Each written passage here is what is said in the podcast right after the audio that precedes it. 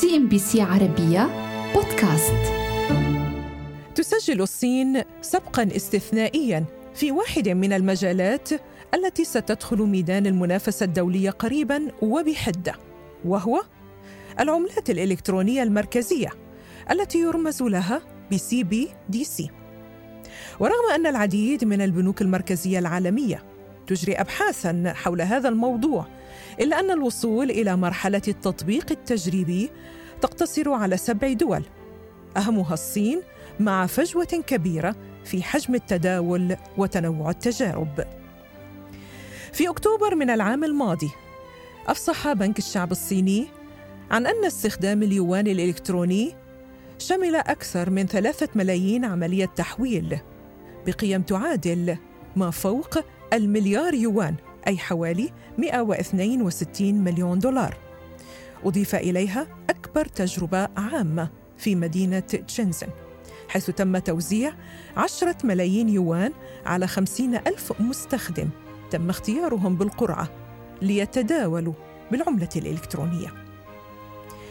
في البلد الأكبر عالمياً بتعداد سكانه والذي كان حتى مطلع الألفية يضم أكبر عدد من فقراء العالم.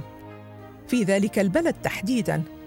أصبحت أكثر من 80% من التداولات المحلية تتم عبر تطبيقات الهواتف الذكية ودون نقد ورقي مع كل ما يعكسه هذا من مستوى تنموي في مجال البنى التحتية التكنولوجية المتقدمة في الوصول للإنترنت وتطور قدرات المستخدمين وشبكة متصاعدة النمو في مجال التجارة الإلكترونية. ولكن الأهم أن هذه القاعدة الواسعة للتداول الإلكتروني كانت في إطار التجهيز للعملة الإلكترونية الصينية اليوان الإلكتروني الذي سيستبدل اليوان الورقي بالكامل. العديد من البنوك المركزية حول العالم هي في طور الأبحاث حول تطبيق العملات الإلكترونية بينما دخلت طور التطوير مجموعة قليلة من الدول منها كندا، فرنسا، البرازيل، فنزويلا وكذلك جنوب إفريقيا وكمبوديا. أما المرحلة الأعلى وهي التجريب التطبيقي فيقتصر على سبع دول أيضا إضافة إلى الصين هنالك السويد، أوكرانيا، كوريا الجنوبية، تايلاند، الأوروغواي وكذلك جزر البهاماس. لكن ما هي أهمية أن تكون الصين سباقة في CBDC؟ رفع المركز الأطلنطي للأبحاث نداء موجها للولايات المتحدة والفيدرالي الأمريكي بالإسراع للحاق والسبق في هذا المجال منطلقا من أن العملة الإلكترونية المركزية هي أساس النظام النقدي الدولي الجديد ومن يسبق في ميدان التطبيق سيكون أول من يحدد قواعد هذا النظام وينشرها. وأنه إذا لم تستطع الولايات المتحدة أن تلحق بالسبق الصيني فإن أمريكا ستخسر قيادتها للنظام النقدي الدولي. يشير المركز إلى أن العملات الإلكترونية ستكون رافعة كبرى في التنافس الدولي بين القوى العالمية. لتشكيل التحالفات وتجنب العقوبات وجمع بيانات عمليات المدفوعات بشكل شامل. وهذا الأمر لم يكن قابلا للتحقق عبر العملات السابقة. وهذا ما يلخص أهمية المنظومة الجديدة للعملة الإلكترونية المركزية في مجالات عدة. اذا هذا الوضع المستجد يعني بالدرجة الأولى. إعادة في تعريف العلاقة ما بين الدولة والقطاع الخاص والمؤسسات المالية وكذلك شركات التكنولوجيا. كما وينظر إلى إصدار عملة إلكترونية بأنه سيمكن الدول من تصميم نظام مدفوعات مستقل يعمل بشكل منفصل عن النظام القائم على الدولار.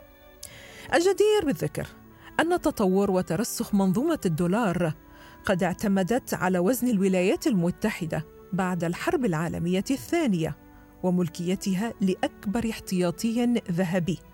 ولكن في السبعينيات انتقلت تلك المنظومة لتترسخ من خلال ربط الدولار مع النفط. بينما شهدت المرحلة اللاحقة نقلة أيضا في النظام النقدي الدولي الذي يقوده الدولار والتي يمكن تعريفها بتكنولوجيا قطاع المال التي تظهر تجلياتها في مجموعة منظومات.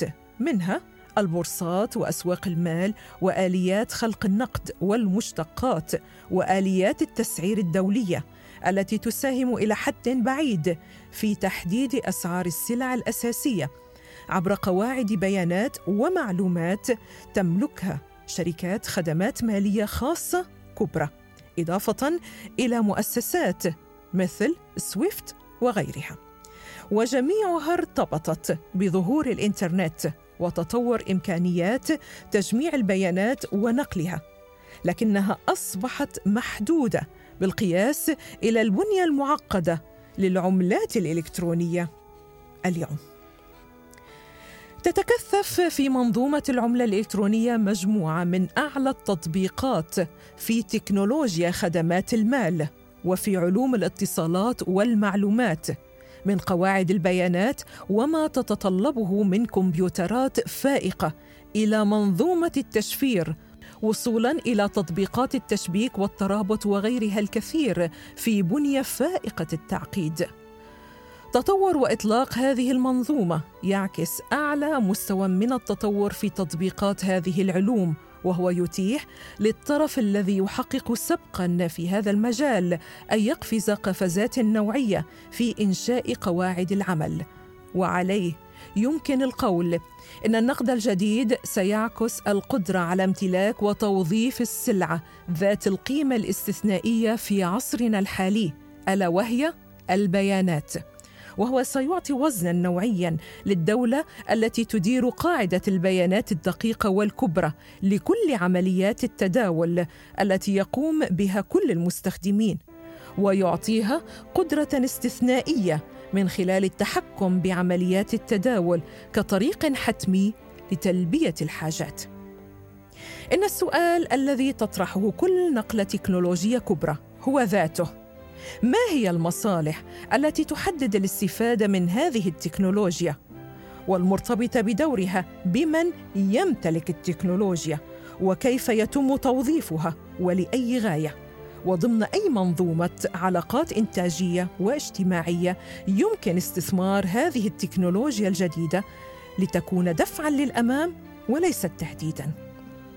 منظومة العمل الإلكترونية تتيح أعلى ضبط وتنظيم لعمليات التداول والتي غايتها العميقة تلبية الاحتياجات الاجتماعية. إنها تستطيع أن تحقق أعمق فهم للحاجات عبر قاعدة البيانات الهائلة وتستطيع بالتالي أن تشكل قاعدة أساسية متشابكة لتنظيم شبكة معقدة من الحاجات والبنى الإنتاجية والخدمية التي تلبيها. إنها تقدم أداة تخطيط اجتماعي متقدمة وسريعة وكذلك موثوقة. سي إم بي سي عربية بودكاست.